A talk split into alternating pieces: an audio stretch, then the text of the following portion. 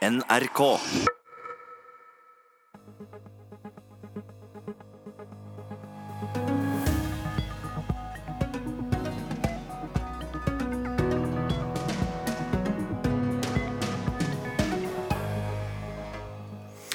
Fra vikinger til Vladimir. Historietimen der vi trekker lange linjer fra Russlands spede begynnelse via tsarer, keisere og kommunistledere og frem til Vladimir Putin. Den siste tsarfamilien måtte vente i over 80 år før de fikk en skikkelig begravelse, men fortsatt uten kirkens velsignelse. Og hva slags revolusjon var den russiske revolusjonen, og hvor lenge varte den? Og hvilke feil ble gjort da Sovjetunionen ble oppløst og det nye Russland steg frem? Ja, da ønsker vi velkommen til vår andre eh, time her i den lange ni timer Russland-sendingen. Og det skal altså handle om historie, russisk historie frem til klokken 11. Og ett mål må være å forstå mer av dette mektige landet som grenser til både Norge, Nord-Korea og Kina. Eh, hovedsakelig skal vi holde oss til tre perioder. Den litt over 100 år lange tsartiden, som ble avløst av revolusjon og sovjettiden, og også perioden etter det. Men vi må selvsagt snakke litt om hele dannelsen av dette russiske riket også. Og dette har du eh, skrevet om, journalist og forfatter Halvor Kjønn, i bøkene 'Vikingenes Russland' og 'Russland blir til'.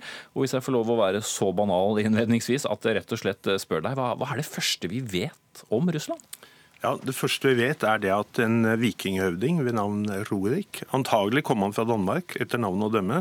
Han kan ha kommet fra Sverige, neppe fra Norge. Han eh, rodde inn i Ladogasjøen og opp ei elv som heter Volkov. Og Der anla han en liten bosetting, og etter hvert anla han byen Novgorod. Altså Nygarden. Den nye garden. Ja. Og Dette var da en vikingbosetting og et vikingdynasti, og dette dynastiet styrte jo da landet helt fram til slutten av 1500-tallet. Så det var jo en svær suksess. Altså de, de holdt jo koken i, i 700 år nesten.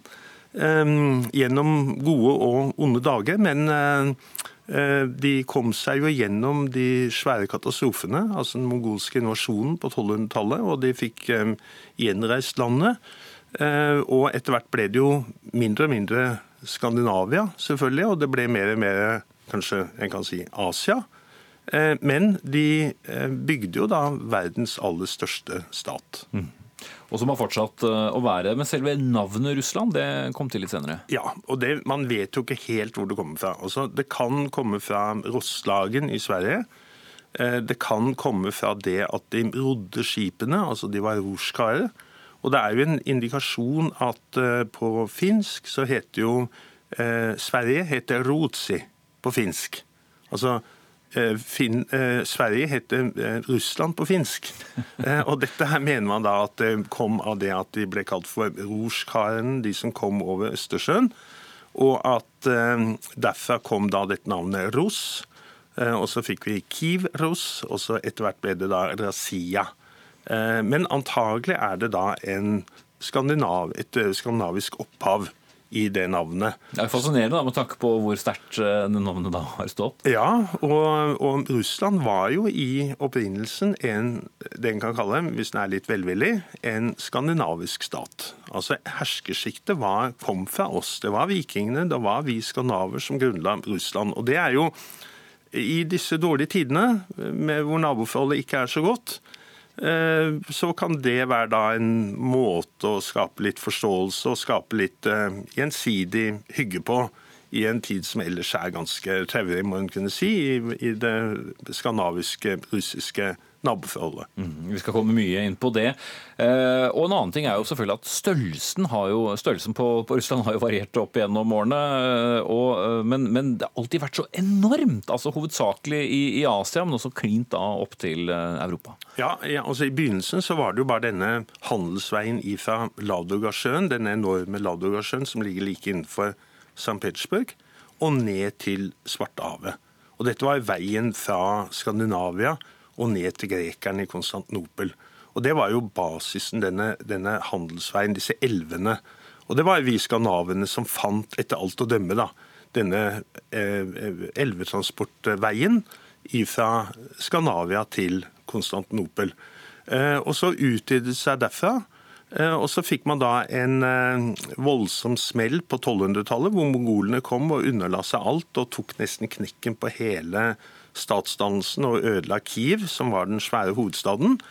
Og så kom landene seg på beina etter hvert og begynte å utvide seg. Og ble da på 1860-tallet gikk jo da fra Eh, de polske slettene, ikke langt fra dagens Berlin, mm. altså der Berlin ligger, og til og med Alaska.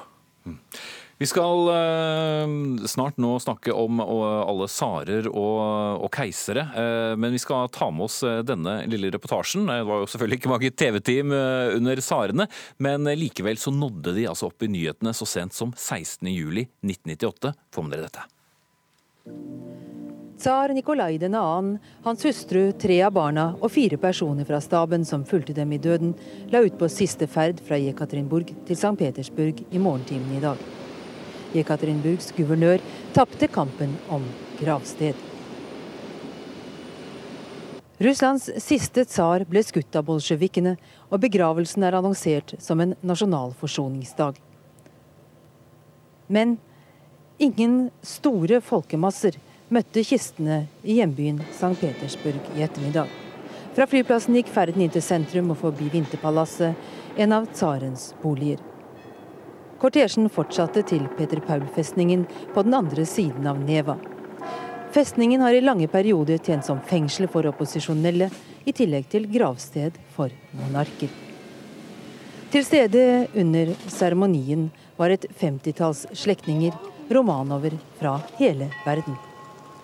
Men begravelsen har splittet snarere enn samlet familien. Den spanske grenen kommer ikke og viser til kirkens tvil om levningenes identitet. Men mannen de fleste anerkjenner som romanovenes overhode, er ikke i tvil. Many people who uh, do not understand the ceremony or doubt about the identification are simply badly informed. People just viscerally say yes or no. But in fact, Have they seen the evidence? Do they know exactly what, what was found by the commission, by the experts? Nobody's seen it. Av hensyn til kirken hadde Jeltsin også sagt at han ikke kom, men i dag ombestemte han seg. Jeg Meldingen om at president Jeltsin har ombestemt seg og likevel vil delta på morgendagens jordfestelse, kom helt overraskende. Særlig etter at presidentens pressetalsmann i går benektet ryktene om hans nærvær. Jeltsin har de siste dagene blitt kraftig kritisert for å være kirkens lydige løpegutt.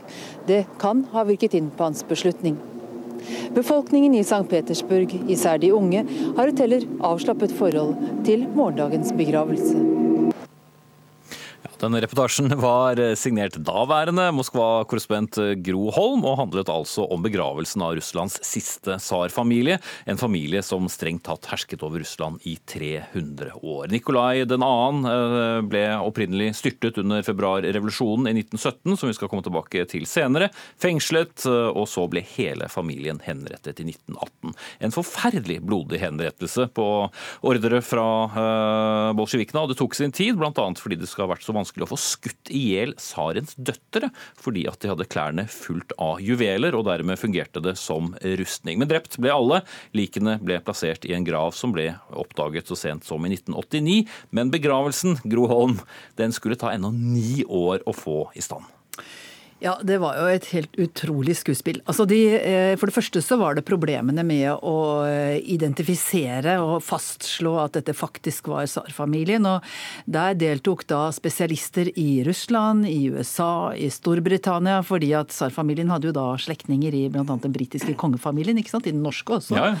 Eh, så, så, så, det ble brukt lang tid på å identifisere, og vi så husker TV-program på TV-program og disse knoklene som lå utover på hvite hvite lakener, og her holder man på og arbeider og sånn. Så det var det ene problemet, å få fastslått med sikkerhet. Eh, og det andre var jo spørsmålet hvor skal disse begraves hen? Skal de begraves sammen med de andre tsarene fra eh, Peter den store og framover i Peter Paul-kirken, kirken på festningsområdet? Eller skal de begraves i Ekaterinburg, der eh, de ble drept da, i dette kjøpmannshuset til Ipatjev i 1918. Og nå ble det bestemt hvor de skulle begraves, men så var det dette at kirken ville ikke anerkjenne at dette var tsarfamiliens levninger, som jeg var inne på. Og patriarken i den russisk-ortodokse kirken, han nektet å delta i begravelsen. Og uh, de som deltok, de uh, fra kirken, uh, de, de, de, sa at vi begraver ofrene, eller representanter for ofrene av alle dem som er undertrykt opp gjennom årene. Så de var nærmest en symbolbegravelse. Og eh, nå var det jo ikke alle som ble begravet, da. Det var jo to som manglet. Det mm. var eh, tsarevitsjen, altså kronprinsen, og en av prinsessene, det var Aleksej og Maria. De ble funnet først i 2007. Og det interessante er jo at Kirken har heller ikke til dags dato villet begrave dem. Jobber med å identifisere alle, og, og, og har fortsatt ikke eh, innrømmet eller anerkjent at, anerkjent at det var faktisk tsarfamilien de begravet den gang og det er altså 100 år 19, eh, siden de ble drept? 100 år siden de ble drept. Og, eh, og, og vår egen kongefamilie de var jo i St. Petersburg noen, eh, et par måneder før begravelsen, men de kom ikke til selve begravelsen. En av grunnene var nok at Jeltsin hadde sagt at han ikke ville delta, at det mm. var så stor splid rundt dette. Mm. Men så er det også et poeng her, selvsagt, at særlig da den siste tsaren var jo upopulær selvfølgelig blant bolsjevikene, men fikk også et veldig dårlig ettermæle fordi historiebøkene pekte på som veldig svak. De gikk dårlig i, i kriger uh, osv. Så, videre. så forholdet til en tsarfamilien var vel heller ikke så fantastisk? Nei, det var ikke fantastisk. Han var jo, han jo mislikt av sine egne generaler fordi han ikke uh, han, han, skjønte på en måte ikke hva som rørte seg i befolkningen, og de følte at han var en lite effektiv leder, selv for det gamle regimet, på deres premisser. Og så var det da denne avstanden til folket. han han hadde nok, eh, for å si det veldig mildt, manglende empati for de lidelsene de var utsatt for. Det var jo fortsatt slik at analfabetismen i Russland på det tidspunktet var eh, på over 70% 75% sier mange. Eh, sånn at det var store deler av det russiske folket kunne jo ikke lese og skrive. Mm. Og mens man i Europa liksom da for lengst hadde begynt å satse stort på utdanning, eh, så, så var det liksom noe som Livegenskapene var, opp, var jo oppløst allerede i 1861. Men det som skjedde da, var jo at bøndene, mange bønder strømmet til byene, fikk seg veldig dårlig betalte jobber, og ingen brød seg noe særlig om de fikk utdannelse eller ikke. Familien Romanov Holsten Gottorp regjerte altså Russland eh, fra 1762 og helt fram til revolusjonen. og Før den tid så var det Romanov-dynastiet som regjerte fra 1613 da med Mikhail Fjodorov, eh, ja, skal ikke prøve engang, Fjodorovitsj Romanov som første tsar i denne slekten.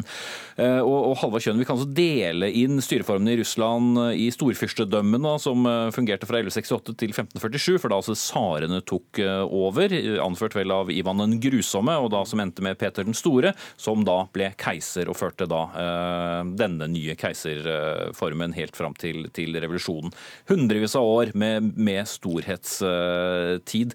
Men de lignet ikke så veldig på det som man gjorde vestover. altså De utviklet seg en helt annen vei enn eh, en Vesten. Ja, det gjorde det. Og eh, det er en ungarsk jøde som heter Tibor Samueli, som satt i fangeleiren til Stalin, og han kom seg til England, og han skrev en bok om eh, Russland gjennom tidene. Og Han sa det at eh, det som er det spesielle med det landet, det er det at det har kun én institusjon, og det er tsaren. Mm. Og om man kaller tsaren for tsaren eller storfyrsten eller generalsekretæren eller presidenten, det har ingenting å si. Det er kun den ene institusjonen. All makt går ut fra tsaren. Og, og, det er det, det vesentlige. Og tsaren um, styrte landet og folket adlød. Og Det var jo problemet til landet når man nærmet seg den moderne perioden. For det at man klarte jo ikke å utvikle noe demokrati, man klarte jo ikke å utvikle et initiativ nedenfra. Eh, landet fortsatte å bli styrt fra toppen. Og så, så førte da Nicolai 2. landet ut i den første verdenskrig. Mm. Og Det var jo den ultimative katastrofen. Og for, for meg er det helt uforståelig, fordi at man hadde jo litt nederlag i den japanske krigen ja. i 1905. Og så gikk man ni år etterpå inn i en krig, og det var mot Japan. Og så gikk man inn i, ni år etterpå inn i en krig mot Tyskland, verdens industrielle supermakt. Og det var jo dømt til å gå galt, og det gjorde det jo. Jeg skal ta med meg eh, helt på tampen av denne delen eh, professor Jens Petter Nilsen, som er med oss eh, fra Tromsø, for et annet interessant spørsmål i denne perioden, fordi de valgte å altså, ikke ligne så mye på oss. Når oppsto frykten for Vesten fra russisk side? Ja, den er jo mye eldre enn den russiske revolusjonen og, og, kommunismen. Og vi må helt tilbake til napoleonskrigene og Napoleons invasjon av Russland i 1812, som hans propagandaavdeling fremstilte som en, en kamp mellom den europeiske sivilisasjonen og det russiske barbariet. Men det var først da Napoleon ble drevet ut av, av, eh, av Russland og den russiske hæren plutselig sto i, midt i hjertet av Europa, at det eh, europeiske borgerskapet virkelig eh, begynte å frykte at deres sivilisasjon var i fare. Dette var et høydepunkt i Russlands ære og makt gjennom tidene. Ehm, og det kom som et, et sjokk da Alexander 1., altså den russiske tsaren, marsjerte inn i Paris i spissen for sin, hær den 31. mars 18, 1814. Ehm, man følte at eh, Russland var i ferd med å ta kontroll over Europa. Man frykta en russifisering. Sånn kom det ikke til å gå, fordi alexanderen først ikke hadde slike ambisjoner. Eh, men etter hvert så, så kom da russefrykten også til Norge, sammen med andre impulser fra Storbritannia og Frankrike, der denne russefrykten var veldig sterkt utover på, på 1800-tallet. Og i Norge så fikk denne russefrykten eh, den utkrystalliserte seg i forestillinga om at eh, Russland hadde behov for en isfri havn i, i Nord-Norge. Og Det var grunnlaget for den eh, såkalte novembertraktaten som ble inngått i 1855 mellom Storbritannia og Frankrike på den ene sida, og Norge og, og Sverige. Temadag Russland i NRK2 og NRK P2. Den russiske revolusjonen er helt særegen og ulik andre revolusjoner på så mange måter, og førte også til opprettelsen av verdens første stat, basert på en kommunistisk ideologi. Etter tsarens fall og en provisorisk regjering så tok altså bolsjevikene makten, anført av ideologen Vladimir Lenin, som ledet Sovjetunionen til han døde i 1924.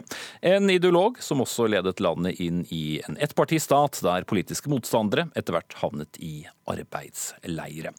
Og For å starte med denne revolusjonen, det er jo ikke så lett å se for seg helt hvor lenge den varte, eller hva sier du Christian Krogh Sørensen, Russland-viter, journalist og serieskaper? Nei, det er riktig. Den eh, varer jo eh, Altså selve revolusjonen. Du kan si det var jo tre revolusjoner. Det var jo en som starta i 1905, og som egentlig bare var en serie med opptøyer og voldshandlinger og, og mytterier eh, over en hel vår og sommer, og som kulminerte med at tsar Nikolai ga en del demokratiske rettigheter, eller eh, prøvde å, slakke på sine autoritære virkemidler. Så gikk det tolv år, og så begynte trykket å bygge seg opp igjen. Eh, dels fordi at veldig mange av disse demokratiske reformene ble stramma inn igjen, og dels fordi det, var egentlig veldig lite som kom ut av det. og Mange av de revolusjonære hadde jo da vært i eksil. Eh, og så fikk man jo deltakelsen i første verdenskrig, som, som tsaren kanskje ville håpet skulle ende med en eh, lett seier. Men som selvfølgelig dro ut i langdrag og skapte en voldsom misnøye i befolkningen. Da.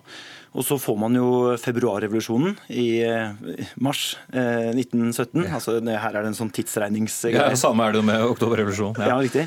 Eh, der, man, der tsaren abdiserte eh, og skapte rom for et veldig interessant, men også veldig sånn kaotisk politisk eh, bilde. Og en veldig uholdbar situasjon der Russland ikke ble trukket ut fra krigen, sånn som var ønsket fra mange av de mer ekstreme sosialistene. Men beholdt, eller var, deltok i denne krigsinnsatsen fremdeles. da. Og så ender det jo med oktoberrevolusjonen, der bolsjevikene med Lenin i spissen overtar. Så det er egentlig den russiske revolusjonen. Du kan si allerede disse tre revolusjonene over tolv år. da. Mm. Eh, men så er det jo historikere som argumenterer med at revolusjonen tok jo ikke slutt der. Nei. For det sendte jo egentlig Russland inn i en veldig ustabil eh, politisk periode med en borgerkrig som, som avløste denne revolusjonen nesten eh, over natta. Eh, og som varte helt fram til 1923-24. Eh, og så begynner jo Stalin, da, som tar over makten, sin Fordi Lenin eh, dør? Han døde av eh, hjerteattakk, ja. Og så begynner jo Stalin denne revolusjonen ovenfra, som da blir en sånn periode med tvangskollektivisering og industrialisering i stor skala. Sånn at noen særlig stabilitet får du jo ikke egentlig før etter andre verdenskrig.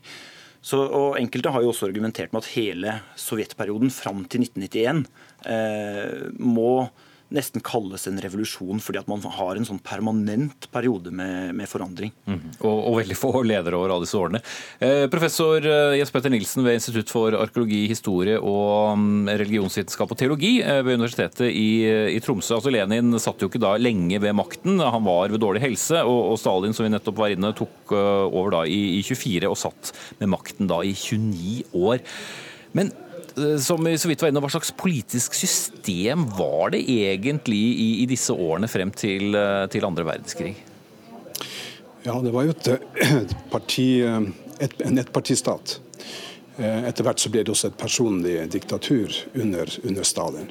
Og man kan si Fra begynnelsen av 1930-tallet så arbeidet Stalin med å eh, skaffe seg en, slik posisjon at han kunne også bruke vold eh, og Eh, terror mot sin egen befolkning for å sikre sosialismen. Det er mye som tyder på at det var idealisme som lå bak den store terror i 1937-38, som eh, Stalin var arkitekten bak. Eh, nå har historikerne forsøkt å, å, å redusere Stalins rolle i det her dramaet. Men de kildene som er blitt tilgjengelige etter Sovjetunionens oppløsning, viser veldig klart at det var Stalin som var arkitekten. Det var han som planla det hele. Det var han som sørga for at den store terror ble, ble gjennomført. Og den kosta, etter de siste beregninger man har, eh, ca. to millioner sovjetborgere eh, livet. Enten ved at de ble henretta eh, kort tid etter arrestasjonen, eller at de ble sendt til fangeleir og døde der eh, i løpet av 1930-tallet. Og han fikk jo da selvfølgelig et visst rom, fordi det skjedde jo så mye også i, eh, i eh, Europa, selv om han beveget seg eh, inn på europeisk territorium, samtidig som Hitler holdt på med sitt. Men, men, Stalin ble jo en sånn slags sterk mann og litt mer godtatt av det vestlige fellesskapet, nettopp fordi man hadde denne trusselen da fra, fra Tyskland. Ja, det ble han. Og senere så eh, begrunner man jo også den store terroren med at det var en slags forberedelse til krigen. Eh, Stalin ville kvitte seg med potensielle femtekolonister før de fikk anledning til å begå forræderi. Og da måtte han gjøre det før krigen begynte. Stalin og de andre bolsjeviklederne var overbevist om at, eh, at Nazi-Tyskland ville angripe Sovjetunionen på et eller annet tidspunkt. Og de forberedte seg til det gjennom denne terroren. Eh, Sørensen, eh, du var litt eh, innpå det. at De fikk jo ikke ordentlig etablert seg før annen verdenskrig var over. Og, og da fikk jo ja, Stalin den tiden han fikk før, før, han døde. Men hva slags Sovjet var det da som vokste frem? For det var jo et ganske sultent og aggressivt Sovjet vi så. Ja, etter krigen, tenker du på? Ja. ja. du kan si at Etter krigen så var det nok mange i Sovjetunionen som hadde håpt at de ville få løsna litt på, på, det voldsomme terrorveldet som Stalin hadde bygd opp. Blant annet så hadde jo Stalin, for å skape en sånn eh, krigsnødvendig nasjonalisme, så hadde han jo eh, frigjort eh, kirka til en viss grad. Altså at folk kunne gå i kirka, og det var liksom legitimt å, å gå og be. Og han hadde jo også begynt å ta fram og hente fram en del gamle helter fra russisk historie, fra førsovjetisk historie, som, som liksom skulle minne folk på at Russland har stått imot eh, europeisk aggresjon tidligere. Så det var jo signaler som, som, kunne tyde på i samfunnet at det ville bli litt lettere uh, å leve etter krigen. Men sånn ble det jo ikke. Uh, denne paranoiaen og frykten som Jens Petter nevner, som, Stalin og, og sirkelen rundt han hadde for femtekolonister, den fortsatte jo under opptakten til det som skulle bli den kalde krigen. Eh, og, det var jo vel så mye angiveri og undertrykkelse i, de første årene, altså slutten av 40-tallet og fram til Stalins død i 1953. Mm. men da kom motsatsen, eller i hvert fall det som skulle være motsats, med, med, med Khrusjtsjov som kom til makten, og denne avstaliniseringen. Eh, men da så vi et, eh, også veldig, et Sovjet som hadde lyst til å markere seg. Vi hadde romkappløpet, som de jo vant store deler av. Men Jesper Nilsen, altså hvordan reagerte folket på dette nye Sovjetunionen? For det, det fortsatte jo bare å være diktatur? Ja, men det var et uh, diktatur uten terror. Uh, Khrusjtsjov ble liksom en slags diktator, men han brukte ikke terror mot sin egen befolkning. Sånn at, og På den måten så sikra han seg også at da han ble, ble avsatt i 1964, så ble han ikke arrestert eller henretta sjøl, men han fikk eh, leve i eh, en slags husarrest til han døde i 19, 1971. Mm. Og rakk eh, så vidt innom eh, en tur i Norge. Og, og det, det, høye spillet under da Cuba-krisen mener jo en del i hvert fall ble starten på, på slutten hans, før han da tapte makten mot, mot Brezjnev. Men hvor mye skiller ble det? For det var jo en helt annen figur som, som kom inn? Med Brezjnev fikk vi jo en leder som ikke var særlig interessert i reformer. Tvert imot så ønska han stabilitet. Og Det gjaldt også eh, kadrene, dvs. Si det, det ledende sjiktet i, eh, i, i, Sovjetunionen. De skulle få arbeid i fred uten å bli, eh, risikere å bli, bli fjerna fra sine stillinger eller utrenska. Og Det betydde jo altså at alderen på medlemmene i politbyrået det, det økte fra år til år. Og snart var man oppe i omkring 70 år som et gjennomsnittsalder på den tida da, da Brezjnev døde i 19, 1982. Mm. Det var en, et gammelmannsvelde, eh, eller gerontokrati, som man kalle det for. Ja. Og en økonomi som eh, så dårligere og dårligere ut. og så Via da Andropov, Tsjernenko eh, og Gromyko så gikk da veien til eh, Gorbatsjov, som vi skal snakke mye om snart. Men Sørensen, hva slags Sovjetunionen var det som ventet Mikhail Gorbatsjov? Og Det var et Sovjetunionen som hadde gått gjennom en sterk stagnasjons... altså Hvis du kan kalle stagnasjon en prosess, så hadde økonomien stått stille lenge. Invasjonen av Afghanistan i 1979 hadde jo også gjort sitt for at uh, altså Det militære var jo opptatt der nede og, og bidro med et pengesluk ut av en annen verden. Uh, så fra en periode på 60-tallet der Sovjetunionen hadde vært uh, i hvert fall tilsynelatende konkurransedyktig med Vesten når det gjaldt kulturell innflytelse og innførsel av og produksjon av forbruksvarer og, og litt sånn begynte å nærme seg en sånn form for sånn eh, vestlig velstand, eh, så begynte det å bli ganske eh, vanskelige forhold. Og også politisk så hadde jo Brezjnev sørga for at den åpningen som Khrusjtsjov hadde sørga for, med at man kunne gi ut litteratur som var mer kritisk til staten osv., og, og, og det førte også til at kulturlivet og filmbransjen og sånn blomstra så begynte ting å bli ganske stagnante på, på, det kulturelle feltet også. Så Sovjetunionen på midten av 80-tallet, som sikkert mange enda husker liksom TV-reportasjer eh, og, og, mange reportasjer fra her i Norge, eh, var nok et sted som ikke lenger hadde noe særlig eh, selvtillit eller framtidsoptimisme. Snarere tvert imot så, så, begynte vel mange å se at uh, dette her begynte å bli en blindvei. Og hva dette ble til, det skal vi snakke om i vår neste og siste del, som også blir spennende. Takk så langt, Jens Petter Nilsen og Christian Krogh Sørensen. Den siste historiske epoken vi skal snakke om nå, er den nyeste, den som vokste frem fra glasnost og perestrojka, der Sovjetunionen forvitra og Russland skal finne en ny kurs. I desember 1990 reiste en 20 år gammel student til det som da fortsatt var Leningrad for første gang, for så å komme tilbake som journalist da Leningrad igjen ble Sankt Petersburg. Og selvfølgelig da Sovjetunionen ble oppløst. Og dette var deg det, Åsne Seierstad? Ja, det var det. Ja, Hvordan opplevde du det? Det var veldig mørkt, husker jeg, som sånn førsteinntrykk. Eh, Leningrad eh, desember 1990, for det var den første turen. Eh, de må ha spart på lys. Altså det var, og det er jo en mørk tid også i vår del av verden. Men i tillegg altså liksom, det var, Dette var tiden altså mens St. Petersburg nesten var liksom som vi husker, kan liksom minnes fra de store romanene. Altså det, det er ikke noe reklameskilt, det er ikke noe gull og glitter. Det er mennesker i mørke frakker og kåper som hutler seg rundt. Men muren var falt, og vi kunne snakke med dem. Og jeg ble veldig inspirert av å være der og tenkte nettopp det at nå kan jeg liksom snakke med folk. Og det kunne jeg jo ikke, fordi de hadde ikke lært seg så mye engelsk. Så eh, det førte til at jeg startet russiskstudier eh, altså, altså januar 91. Og det førte meg veldig mange turer til Russland egentlig da fra ja, 1991 og frem til midten av 90-tallet. Det var ikke så mørkt at du ikke fatta interesse for det. Gorbatsjov han forsøkte jo på et vis å tilnærme seg demokrati, nært beslekta det vi hadde i Skandinavia. Og så kom Russlands første president, Boris Jeltsin, som skulle lede landet i over åtte år. Hva slags skille var dette? Altså, Jeg har litt lyst til å snakke om folk og hvordan de For det var en veldig spesiell tid. Det, altså når ting hadde åpnet seg opp, og man hadde troen på demokrati.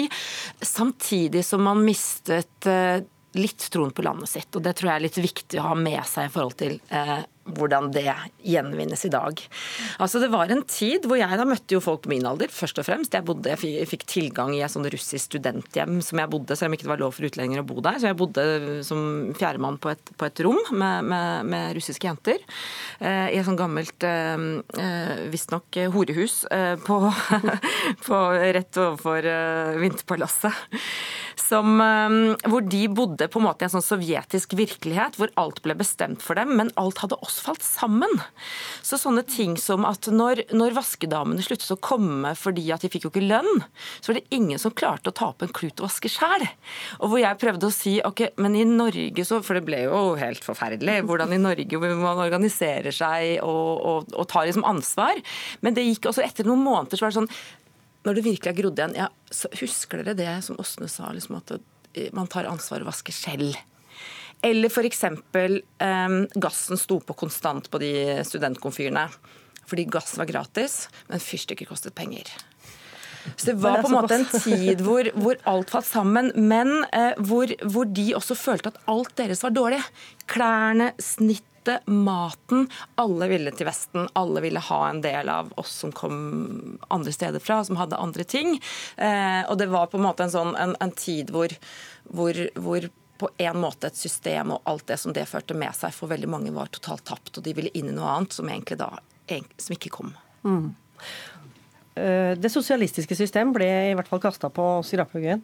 Alt skulle liberaliseres da, var planen, i et forrykende tempo. Men det gikk ikke så bra, utenriksmedarbeider eh, Gro Holm?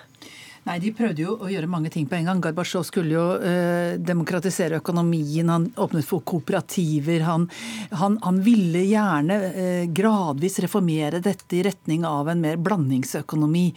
Men når han gjorde det, så fikk han jo veldig motstand fra eh, gamlekommunistene, holdt jeg på å si, de mer konservative. Og de forsøkte seg jo med et kupp mot Gorbatsjov eh, høsten i august 91. Eh, Men så mente jo de på den andre siden som ønsket seg å gå mye fortere fram, og Jeltsin var en av dem. Han, de mente jo at det gikk altfor sakte.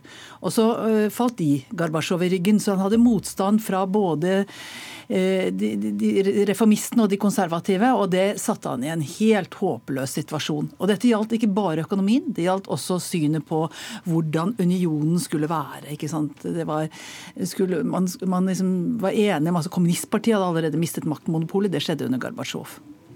Og så var det, så var det da eh, så var det da dette at, at, at eh, hvilken, hva slags føderasjon skulle Eh, erstatte det gamle Sovjetunionen, hvor kommunistpartiet hadde maktmonopol, og hvor alle unionsrepublikkene liksom var, var, styrt av kommunistpartiet. Så Det var et av de store spørsmålene høsten da, 91 som førte til at uh, fikk overtaket og sørget for å få Sovjetunionen oppløst. Mm.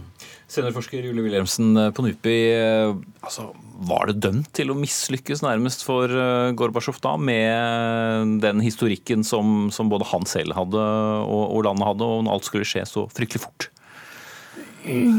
Ja, det blir iallfall Vi har jo en tendens til å fokusere på disse enkelte lederne som sitter på toppen. Men det er klart at hvis du tar en kikk på hva som egentlig skjer, så var det på én måte dømt til å mislykkes.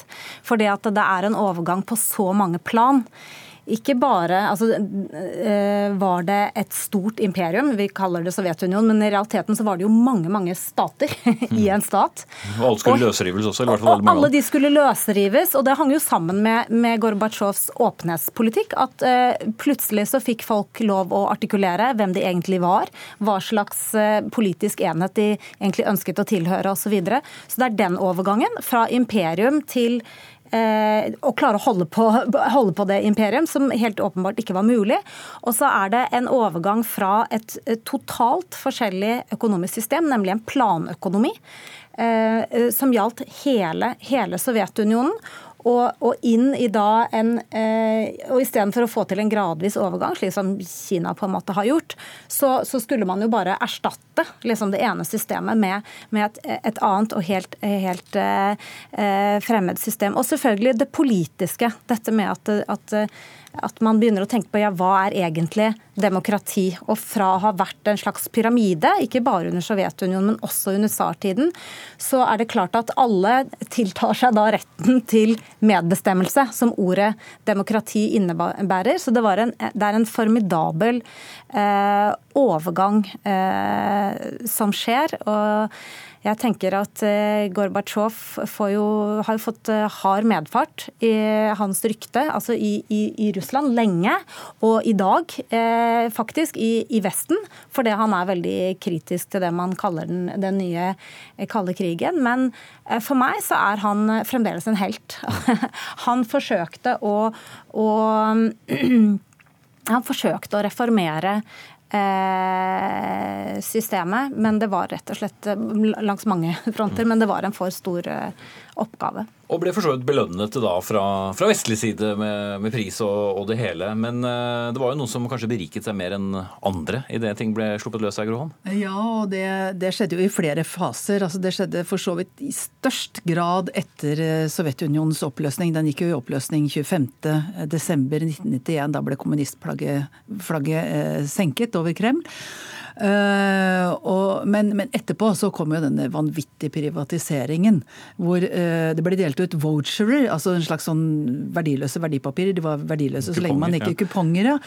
Og, og uh, de som hadde sittet f.eks. som bedriftseiere på mange av disse store kjempebedrifter, mange, mange tusen ansatte som baserte seg på naturressurser, ikke sant.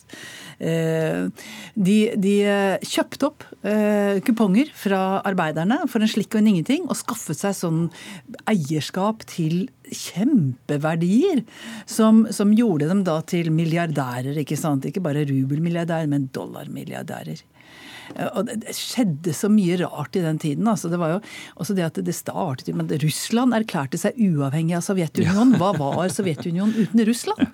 Liksom det skjedde allerede i 1990, og, og Jeltsin var jo da leder for det. Og Jeltsin brukte Han var da president i Russland, og så hadde du en sovjetisk president. Og så begynte de presidentene å konkurrere om hvem som skulle ha makten. Og det endte jo da med at Jeltsin konkurrerte. Ja. Og, og Julie Wilhelmsen, hvordan endret han da? altså å prøve å få dette på stø kurs, samtidig som han jo hadde sin helse og sine personlige mm. problemer. Det, ja, det var fortsatt mye kaos. Ja, det var, eh, det var, veldig mye kaos. Og, og, mm, det viktigste er kanskje at uh, nettopp denne ideen om at det skulle være demokrati, at alle skulle få være med å bestemme, skapte en, en, en sterk konflikt mellom parlamentet det nye eh, parlamentet, og, og, presidenten. Som jo endte med at, eh, at uh, Jeltsin kalte ut tanksene mot, mot ja. Det hvite hus i Moskva i, 19, uh, i, i 1993. Og så kan du si at I kjølvannet av det så fikk man på plass en, en konstitusjon i desember 1993, som faktisk er en, fremdeles i dag en veldig god og demokratisk Eh, eh, konstitusjon. Men, men, praksisen var jo på en måte ikke, eh, ikke eksemplarisk. Og, og, veldig mye av Jeltsins styre bar jo preg av dette at det var veldig viktig at han ble sittende. Han representerte jo på en måte demokrati. Mens det er jo ikke Altså demokrati er jo måten man gjør ting på, og ikke personen.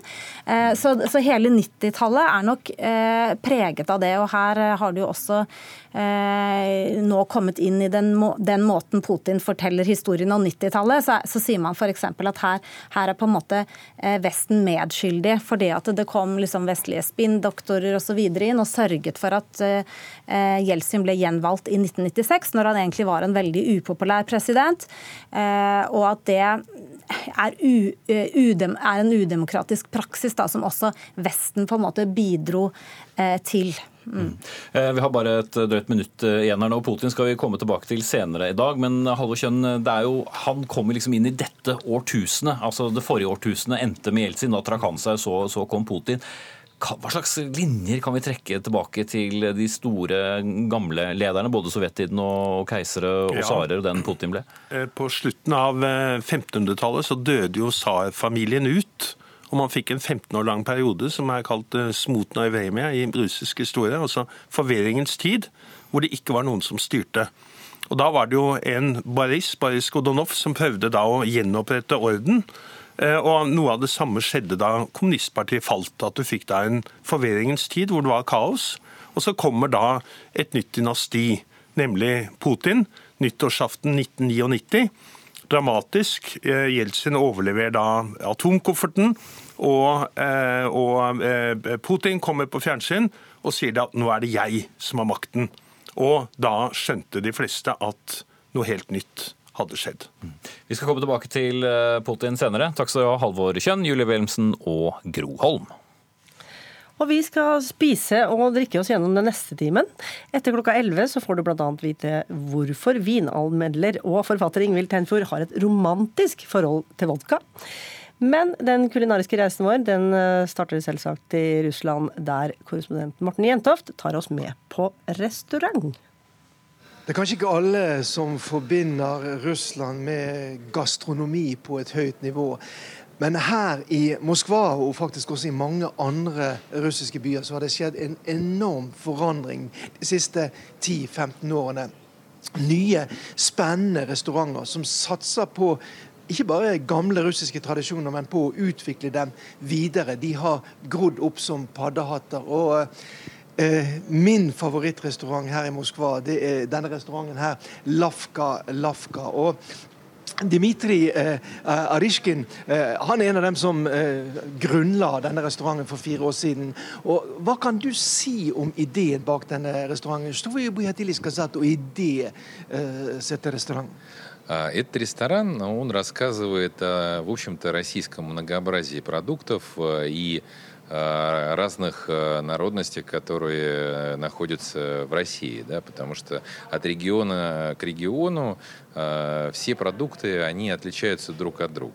Плюс к этому мы занимаемся маленькими локальными фермерами, да, то есть продуктами от малых локальных ферм с сезонными продуктами. Поэтому там зимой вы никогда у нас не встретите помидоры. И наоборот, летом мы стараемся как раз давать нашему гостю максимально сезонный продукт. Dimitri han forteller jo at eh, ideen med denne restauranten er jo eh, å vise eh, matkulturer til de forskjellige folkeslagene, folkene som bor i det veldige eh, Russland. De har kontakt direkte med produsentene. Når vi ser på menyene her, så kan man lese hvor maten eh, kommer fra. Han legger også stor vekt på at eh, de lager mat etter sesongene. Om sommeren lager de én type mat med grønnsaker, mens man om vinteren satser på andre ting, f.eks. fisk i fra havet. Sånn at eh, eh, Ideen er å ha, som vi har sett i mange andre land, eh, produkter som kommer direkte fra eh, produsentene. Altså Det er asparges som de driver og prøver å lage til her eh, nå i dag. Eh, asparges har også blitt raskt veldig, veldig, veldig populært her i Russland. og på samme måte som restauranten også har blitt veldig populær. Ресторан стал сразу очень популярным, да? Ну, можно сказать так, потому что Мы, на мой взгляд, делаем высокую кухню в, из традиционных русских продуктов для людей, которые приезжают, особенно для иностранных гостей. Restauranten her ble veldig raskt populært, ikke minst eh, hos eh, oss utlendinger som bor i eh, Moskva, nettopp fordi man bygde på russiske tradisjoner. Og, hva kan han si om hva slags mat spesielt som har blitt veldig populært? Ну, наверное, конечно, иностранцам особенно, им интересно попробовать какие-то традиционные русские блюда. Ну, Что это такое? И наш, и наш борщ, допустим, который мы делаем, он один раз про нас написали, что, пожалуй, это, наверное, лучший борщ, который готовят в Москве. Altså, Dima forteller at den tradisjonelle russiske, ukrainske suppen borts, den som de lager her, den ble straks en, en, en, en hit blant alle gjestene her. da. Og den har da blitt noen av mange kåret til den beste, beste bortsen som er å få her i Moskva. Ishok, кроме борща, что вы бы хотели сказать? Ну, на самом деле, э, несмотря на то, что борщ и пельмени это такие традиционные продукты на российском столе, конечно, огромное количество гораздо более интересных э, блюд э, мы всегда делали в своем ресторане. Мы готовили перепелку, кролика, различные фаршированные овощи, но еще мы стараемся все-таки делать это красиво. Я думаю, что ребята, они вам сейчас какое-нибудь там блюдо соберут, а, вы его как раз сможете снять и увидите, что на тарелке может получаться тоже картина. Dimitri forteller altså Selvfølgelig så har de tradisjonell russisk mat, sånn som bortsuppen og også som pelmeniene. Disse innbakte hva skal man si da, Ikke raspeballer, da, men ligner litt på, på det. Med, hvor det kan være både kjøtt, og det kan være fisk og det kan være grønnsaker. I tillegg til det så nevner han også f.eks. Eh, kjøtt av kanin, som har vært veldig populært av all mulig slags eh, farser.